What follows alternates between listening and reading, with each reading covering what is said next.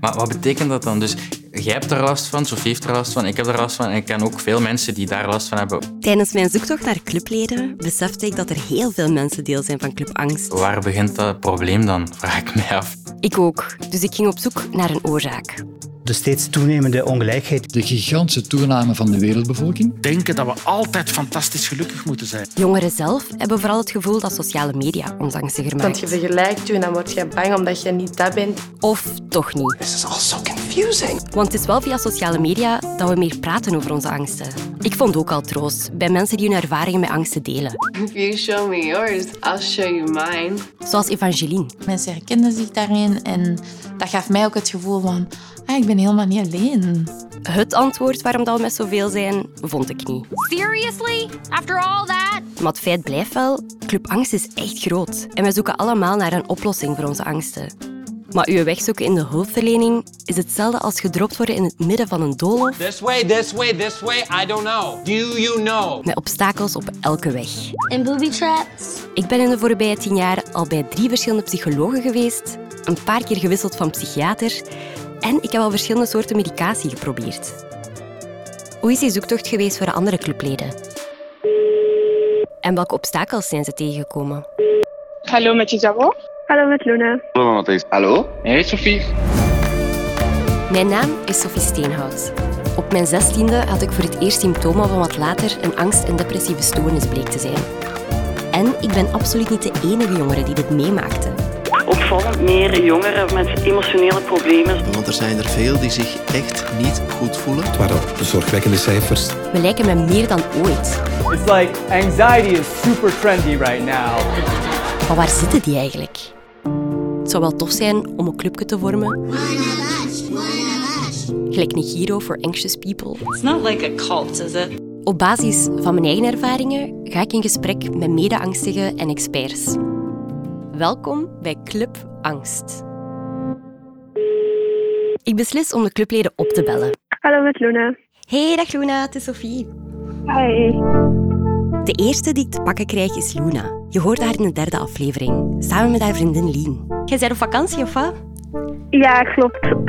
Ah, zalig.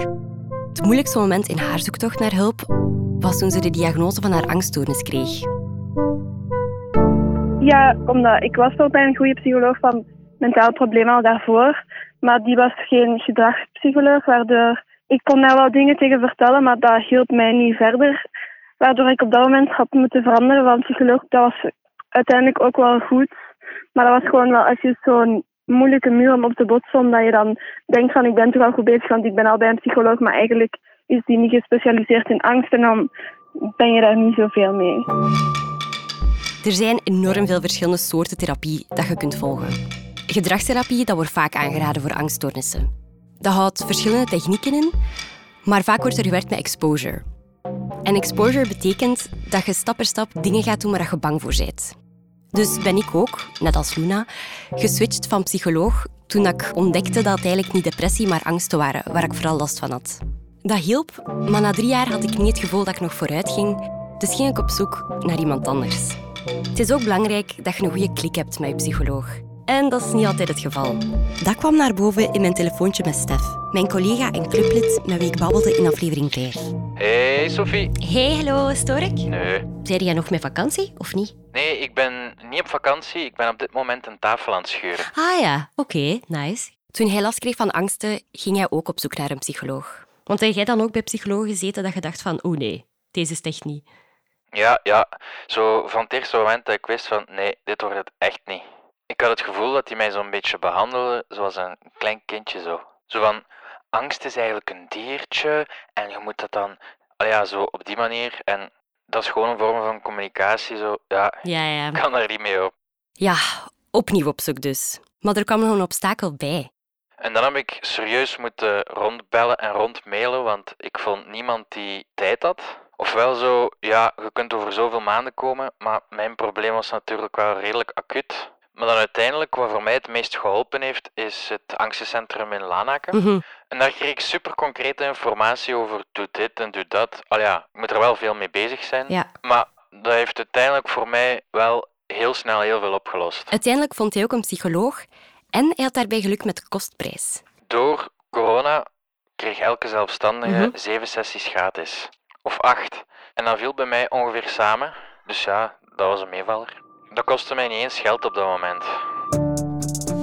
Ja, want dat komt er nog eens bij. Hè. Therapie is niet goedkoop. Een psycholoog kost gemiddeld 50 of 60 euro per uur. Er zijn wel al verschillende systemen van terugbetalingen. I'm listening. Maar dat is vaak toch wel een werkje om dat allemaal uit te pluizen. It's been 84 years. Waar je eigenlijk recht op hebt en bij welke psycholoog wat geldt. Het is dus allemaal niet zo simpel, gelijk een afspraak maken bij een dokter of de kinesist of zo. Dat was ook zo voor het voorlopig laatste lid van Club Angst. Oké. Ik ga bij haar langs in haar appartement in Brussel. Ja, dat is hier, kom maar. Hallo. Hi. Misschien kent je haar wel. Ik ben Ikraan, ik ben 24 jaar oud en ik maak muziek.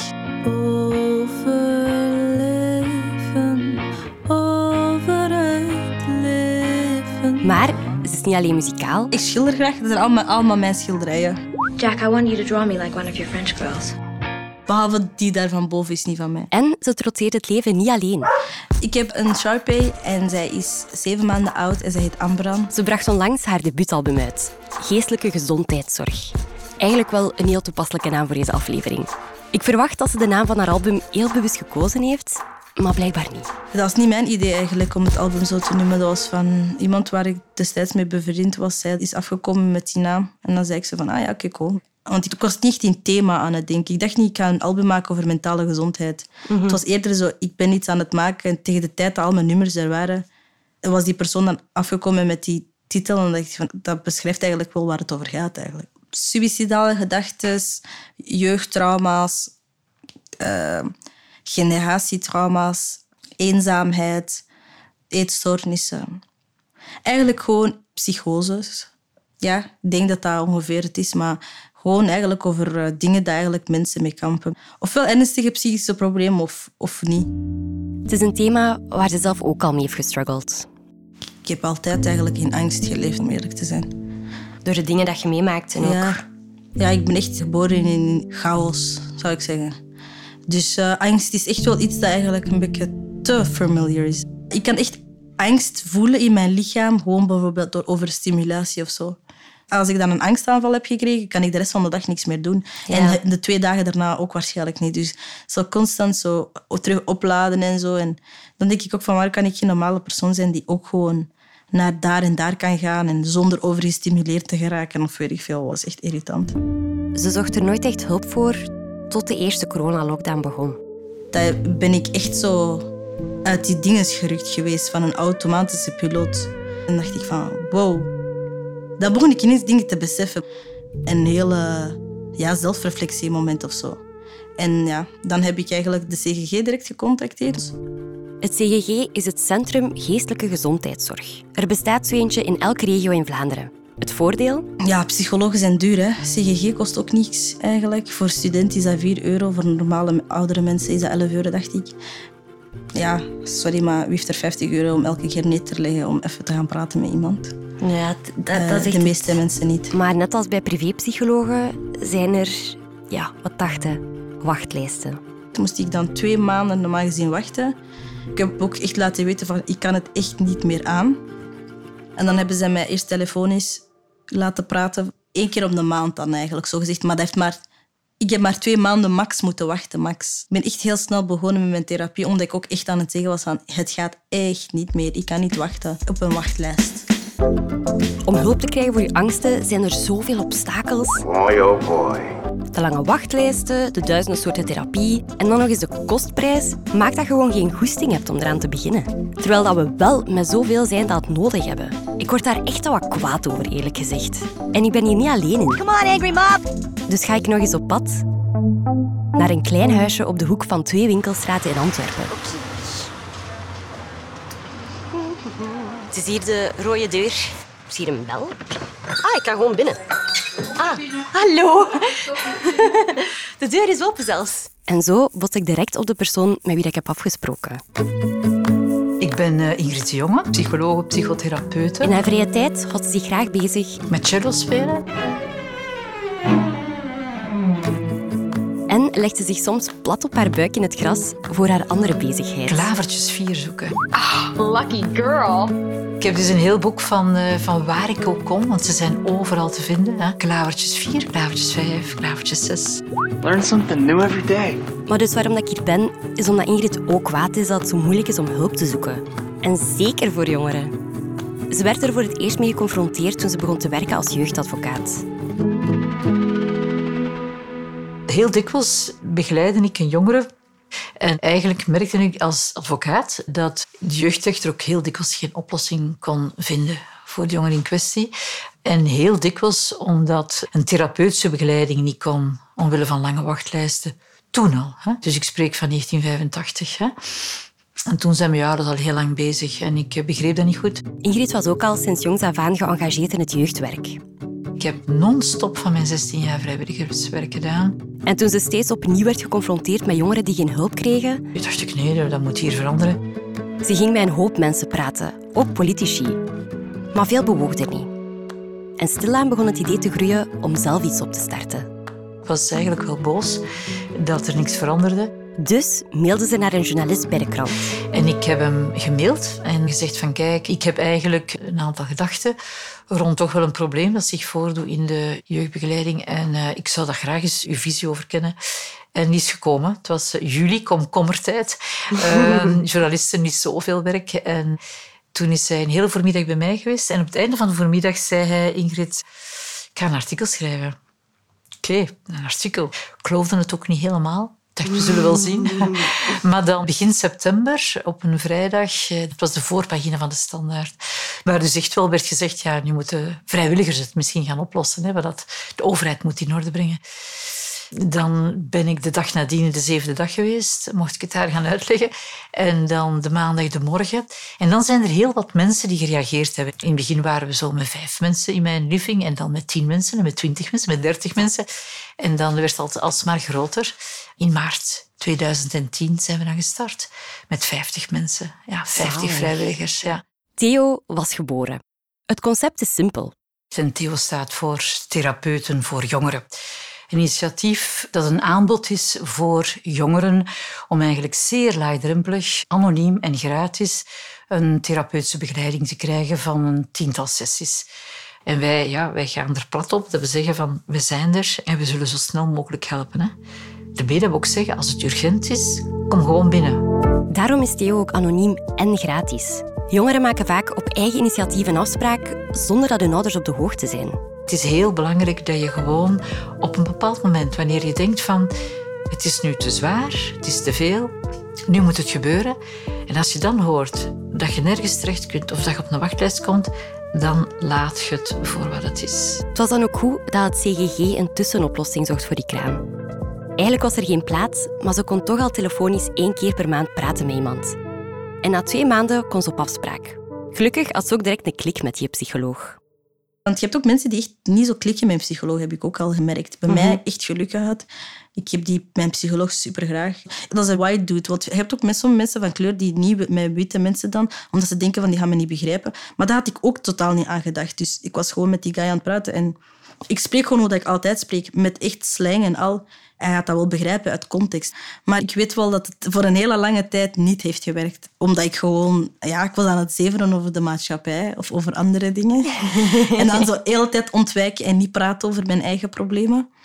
En dan stilletjes aan uh, ja, ben ik warmer en warmer beginnen worden. En dacht ik ook van oké, misschien moet ik toch wel beginnen praten. Dus dan ben ik ook beginnen praten over mijn problemen. Meer comfortabeler beginnen worden met wenen. Ik heb daar echt leren wenen eigenlijk ook echt. En dan, ja, voordat ik het wist, was ik echt heel chill met stap voor stap gewoon echt door die pijn heen te gaan hè? en niet te ontwijken of zo. Het is ook niet zo raar dat therapie niet direct werkt. Ik moet eerlijk zeggen dat dat bij mij ook zo was. Het duurt ook gewoon even voordat je al je shit op tafel smijt bij iemand dat je totaal niet kent. Dat heb ik al bij verschillende gemerkt, dat er toch nog wel een hele weg te gaan is tussen het moment dat je ergens binnenkomt en hulp vraagt en dat je dan ook effectief er kunt over praten. Net daarom is het ook zo belangrijk volgens Ingrid dat jongeren veel sneller op gesprek komen. We wachten veel te lang. En dat maakt dat het dan soms zo ja, zwaar is dan eigenlijk. Hè? Dat het ook voor ons moeilijk wordt bij Theo. Want eigenlijk heb ik ook Theo opgericht omdat ik wou focussen op jongeren met lichte en matig zware problematieken. Maar ik druk vooral op lichte en matig zwaar. Uh, we zijn ondertussen geëvolueerd naar matig zwaar tot veel zware problematieken. Maar je kunt van iemand die zich wat depressief voelt, ja, dat kan uitgroeien tot een depressie. En wanneer je een zware depressie hebt, ja, dan ga je ook niet zomaar alleen met therapie er geraken. Soms wel, maar soms ook niet. Therapie alleen is soms niet genoeg. Dat was ook bij mij zo op mijn 16. Na een aantal maanden bij de psycholoog was er niet echt verbetering. Dus ging ik langs bij een psychiater, een dokter. Maar toen hij mij antidepressiva voorschreef, was mijn eerste reactie... No way. Nou, ah. Want ik had direct allemaal horrorbeelden in mijn hoofd van mensen die erbij liepen als zombies. Ik had dus wel een psycholoog gevonden, maar nu stond er een nieuw obstakel in de weg. Mijn eigen vooroordelen. Dat was ook zo bij Evangeline, de illustrator met wie ik babbelde in de vorige aflevering. Toen ik daar langs ging, begonnen we over medicatie te babbelen. Ik ben wel redelijk laat begonnen met mijn antidepressiva. Ik denk toen ik, ik ben nu 25, toen ik 23 was. Dus toen het begon te werken, dacht ik... "Ah, Is dit hoe mensen zich voelen? Zijn mensen ontspannen gewoon? Echt, hè? Dus die staan op en die zijn gewoon zo... Ah ja. De dag begint. Ja. Maar zeg... En dan dacht ik... Wat is met deze? Waarom... Ha, dan werd ik daar ook een beetje verdrietig van. Dan dacht ik, oh, al die jaren dat ik dat allemaal zonder heb gedaan. En, en maar doorduwen. En maar het al- allemaal zelf doen. En waarom? Evangeline was dus blij dat ze eindelijk wel die stap had genomen. En ik had dezelfde ervaring toen ik een lage dosis antidepressiva begon. De psychiater had mij verteld dat ik me eerst wel slechter zou kunnen voelen, last kon hebben van hoofdpijn, mij wat meer slaperig zou kunnen voelen. Maar dat viel allemaal goed mee. En na enkele weken voelde ik mij terug ietsje meer mens en die donkere gedachten kon ik al een beetje betere kop indrukken. In combinatie met mijn therapie lukte het mij om na een paar maanden zelfs geen angstaanvallen meer te hebben.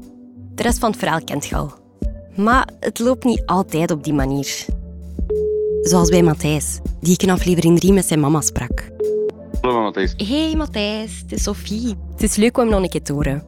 Maar wanneer we over medicatie beginnen babbelen, verandert zijn toon volledig. Dat is niet mijn ding. Je hebt daar dan slechte ervaringen mee gehad. Eh, ik vind dat, dat verschrikkelijk. Dat is zo het principe you do you en me do me. Ehm, maar ik vind bijvoorbeeld niet dat ehm, therapeuten of weet ik veel wat dat mogen opdringen aan je. En ik vind wel dat dat bij mij een beetje gebeurd is. Dat vind ik zeer jammer. Ondanks het feit dat dat misschien nodig was, dat is bediscussieerbaar. Dat was een soort antidepressiva dan of zo. Ja, maar dat was een eh, therapeutisch lage dosis. En het probleem is vol- volgens mij vaak dat je op dat moment, als je al eh, aangereikt wordt om medicatie te krijgen, het moment daarop natuurlijk, dat bepaalt dan de dokter. Die mensen hebben daarvoor gestudeerd, die zouden dat moeten weten. Maar je bent dan in zo'n zwakke positie dat je niet meer verstandelijk, bij mij was dat toch, sterk genoeg in je schoenen staat om daar op een andere manier over na te denken. En ik vond Mhm. dat daardoor achteraf die medicatie bij mij is opgedrongen. En op dit moment merk ik daar ook heel veel vrevel op, omdat dat ja, nee, zeker die bijwerking, je mag dat niet onderschatten. Dat zijn zo allemaal een beetje van die dingen dat ik toch wel sterke bedenkingen bij heb. Ik denk inderdaad, allee, ik heb denk ik daar een heel goede ervaring mee gehad. Eh, ja. Jij neemt wel nog altijd verder. ja, ja, ja. Dus bij Ja. mij is dat wel... Allee, en helpt dat ook enorm. Ja. Ook dat, ze hebben daar ook wel... Ze hebben dat niet snel gegeven of zo. Daar is wel echt tijd over gegaan. Ja, ik vond dat dat bij mij te snel geweest is. Matthijs heeft dus niet alle informatie gekregen die hij nodig had. En zelfs bij Evangeline, die blij is dat ze antidepressiva neemt, was de manier waarop dat ze die gekregen heeft eigenlijk niet oké. Ik had superveel last van angst. Maar echt zo hard dat het me echt aan het belemmeren was. En toen zei mijn zus... Jij moet naar de dokter gaan, het gaat niet goed met u. En ik zo, nee, nee, eh, waarom ik dat niet wou, ik wou het gewoon niet. Ze zei, ga je wel, want allee, het gaat gewoon echt niet meer zo goed met u. Oké, dus ik ga naar mijn huisarts. Zo'n hele stoïcijnse oude man. En ik zit daar te blijten. ja, ik voel me niet goed. En, en zo echt zo direct beginnen wenen, zo, ken je het? En hij zo, ja, ja, ja. Ehm, hij zegt, ja, ik kan u iets voorschrijven. dan gaat wel pas binnen twee weken waarschijnlijk beginnen werken. En ik zo, twee weken, dat is toch kei lang. En dan zei ja, en ik ga je nog iets anders voorschrijven. En dat mocht je nemen indien nodig, hè, in geval van nood. Dus enige uitleg. die- Dus ik zo, oké. Ik ga direct naar de apotheek. En zij zegt, ah ja, jij komt dan voor een doosje antidepressiva. Ik zo, eh, Wat? Wat? zij zo, ja, ja, dat is antidepressiva, hè. Ik zo, huh? Die heeft mij dat helemaal niet verteld. Die heeft mij er niks van uitleg gegeven. Die heeft dat gewoon voorgeschreven. Dat is echt absurd, want ja, die moet ook vertellen dan, als je dat neemt, kun je daar niet zomaar mee stoppen. Want ja, dat is wel gevaarlijk als jij denkt, ah, ik voel me beter, ik stop hiermee. Ja. Ik dacht, hè? En, en de andere dat hij mij had voorgeschreven, ja, dat waren dus gewoon benzo's. Misschien moet ik dit toch wel even wat uitleggen. Ik wist enkele jaren geleden ook niet wat dat benzo's waren, maar dus hier is wat ik nu weet. Benzo's, of benzodiazepines, Can you spell it? dat is iets anders dan antidepressiva. Please, continue. Antidepressiva werken op lange termijn. En die houden zich meestal bezig met een bepaald stofje in onze hersenen. Serotonine. Dat stofje wordt ook wel eens het gelukshormoon genoemd, want dat regelt voor een deel dat we ons goed voelen. I'm on top of the world. Maar het regelt ook onze eetlust, slaap, geheugen en lichaamstemperatuur. Antidepressiva zorgt ervoor dat die serotonine langer blijft rondhangen in onze hersenen. Sit down. Have a drink. En dat is handig, want dat zorgt er meestal voor dat je iets beter voelt, al wat meer honger hebt en beter kunt slapen. Benzo's zijn nog iets anders. Die werken sneller en simpeler. Je voelt je snel rustig. I like the sound of that. Plus je spieren ontspannen zich. De meest gekende is Xanax. Maar je kunt al gaan denken waarom dat best niet zo snel voorgeschreven wordt. Want op korte termijn voelt je een pak beter, maar als het is uitgewerkt kan de paniek even hard terugkomen. En kun je dus de neiging hebben om er snel nog eentje te pakken. En nog eentje. En nog eentje.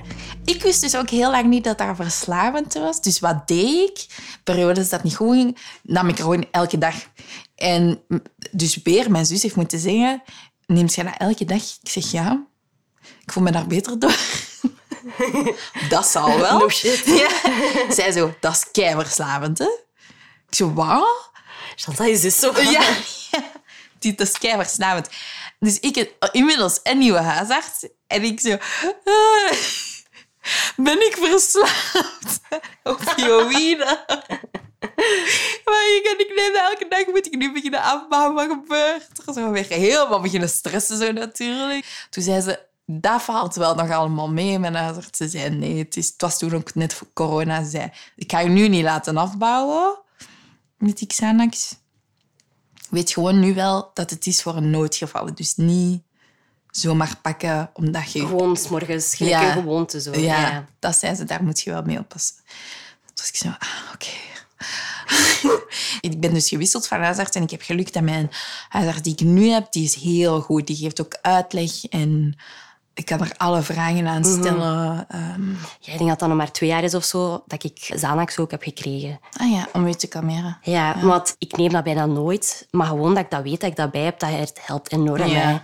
hè. Mhm. En zeker bijvoorbeeld als ik dat dan mee had op reis, dat helpt gewoon dat ik weet, stel dat het voorkomt, ik heb iets om het te stoppen of zo. Ja. Van, het is niet omdat ik een paniekaanval krijg, dat dat betekent dat ik vijf dagen lang hier ga afzien, want ik heb iets mee dat mij kan helpen. Mhm. En dan, gaat, dan gebeurt het ook gewoon veel minder. Ja, dat is wel. Het is dus ook voor medicatie te nemen allemaal niet zo simpel. En het voze is dat bij medicatie vaak hetzelfde is als bij therapie. Het is wat proberen. Maar als je al het obstakel overwint om verder te kijken dan de vooroordelen, kan het zijn dat je niet eens de juiste informatie krijgt. Dat is ook zo bij nog iets anders dat ik met Evangeline over sprak. In opname gaan in een psychiatrisch ziekenhuis. I like to think of it as more of a loony bin. Die zien er in de films ook vaak mega creepy uit. En kun je vaak weinig over vinden hoe dat er nu eigenlijk echt aan toe gaat. Hoewel het niet altijd roze geur en maneschijn is, heeft Evangeline toch een kans gegeven. Maar ja, toen kwam ik in de opname en toen viel dat allemaal zo hard mee. Dat ik dacht, van, ah, had ik dat geweten, dan had ik zoveel minder stress. Ja, of ik had misschien vroeger gedaan. Ja. Ja. Want veel mensen zouden gebaat zijn bij een opname, denk ik. Ja. Moesten ze weten dat dat bestaat. Ja, vooral niet moet wachten tot als het te erg wordt. Ja. De zoektocht naar hulp is niet altijd simpel. Er zijn nog veel obstakels om te overwinnen. Gelukkig zijn er ook al veel organisaties zoals Theo die die obstakels proberen weg te werken. En het is keihard waard om aan die zoektocht te beginnen. Niet alleen kan ik vandaag beter om met mijn angsten, maar ik heb ook al veel dingen over mezelf ontdekt onderweg. Dat was ook zo bij Ikraan, het voorlopig laatste lid van Club Angst. Zij zat echt heel diep en zocht verder hulp. Ik moest opgenomen worden in de psychiatrie. En dan ben ik terechtgekomen in de UZ. En daar nam haar zoektocht plots een onverwachte wending. Omdat ik moest gezien worden door een psychiater voordat ik mocht gaan. En die psychiater zei tegen mij, je hebt gewoon autisme. Snap je? Ik denk echt dat je gewoon autisme hebt. En ik wist, oh my god, dat was zo'n opluchting. Toen die psychiater zei tegen mij, ik denk dat je gewoon autisme hebt. Ik, en ik dacht echt zo van, ah, ik weet dat ik autisme heb. Ik weet dat. En, maar ik wist ook direct, ik heb dat gewoon. Maar dat bevestiging is echt wel nodig, nodig voor, voor jezelf ook. Hè? Van oké, ik weet het 100% zeker. En ook voor de buitenwereld, hoe dat zij moeten rekening houden met u. Want anders gaan mensen dat echt niet willen doen. Het is dat ook, hè. die diagnose is ergens ook zo een communicatiemiddel Ja. naar andere mensen. Ja. Gelijk, ik, kan, ik kan nu ook gewoon heel simpel zeggen tegen mensen: ah, ik heb last van paniekaanvallen, ik heb Ja. last van angst. En mensen weten dan ook wat dat is. Terwijl als je daar plots uit random begint te blijten of zo... Dat is echt raar, hè? want ik wist dat ik altijd autisme had. Alleen niet altijd voor een tijdje al. Maar ik moest het echt wel laten testen, omdat mensen je anders ook niet serieus pakken en denken dat je gewoon ja, moeilijk doet om moeilijk te doen of zo dingen creëert in je hoofd die er niet zijn. Ik weet het eigenlijk zelfs niet. Hè? Dat is zo... Ja, en als er een, een label op geplakt wordt of Ja. een diagnose, dan kan het ook wel helpen inderdaad om gelijk Ja. de juiste hulp te vinden. Want soms is Ja. dat inderdaad ook wel nodig. Ja, maar ook gewoon tegelijkertijd is dat ook wel kut, want dat is ook een bevestiging dat je anders bent. Ja. En omdat je autisme kunt je, dat is geen mentale pro- probleem of zo, dus je kunt er niet van genezen of zo eigenlijk. Mhm. Dat vind ik ook wel een beetje zo. hmm. Gewoon omdat de enige reden dat ik dat kut vind om autistisch te zijn, is echt puur omdat de meeste mensen neurotypical zijn. Het is gewoon, we zijn met de minderheid als het gaat om hoe dat mijn brein functioneert. Dus dat is de enige reden dat ik dat kut vind. Want ik vind eigenlijk helemaal niks mis met autisme te hebben. Ja, ah, wel, en dat vind ik ook wel als mensen zo zeggen van... Allee, of als andere mensen spreken, in mijn geval dan voor angststoornissen of angsten, dat je zoiets hebt van, ah oké, die heeft dat ook. En je kunt wel makkelijker ook de mensen vinden die dat ook hebben of zo. En Ja. dan elkaar daarin verstaan. Dus op die manier werkt dat dan wel, om, om dat label te hebben of zo. Ja, dat is waar. Dat is waar. Het is sowieso dubbel. Ja, dat label. Ik dacht dus dat ik daar wel al mee had gedeeld. Maar tijdens het maken van deze podcast kwamen al die twijfels toch weer naar boven. Het was een serieus pittig proces. Ik vraag mij ook af hoe dat was voor de andere leden van Club Angst om met mij daar allemaal over te babbelen. Dus vroeg ik het hen ook aan de telefoon. Wel de vraag gesteld aan mijzelf: wil ik dit, hè, als het uitkomt, promoten op mijn socials of niet? En wat hoop ik nu eigenlijk te bereiken met deze podcast? In de laatste aflevering praat ik erover met iemand die er van in het begin bij was. Wat is het schoonste dat er kan gebeuren als die podcast uitkomt? Dat er een maatschappelijke revolutie wordt ontketend. Ja. Dat iedereen zijn hark en fakkel pakt.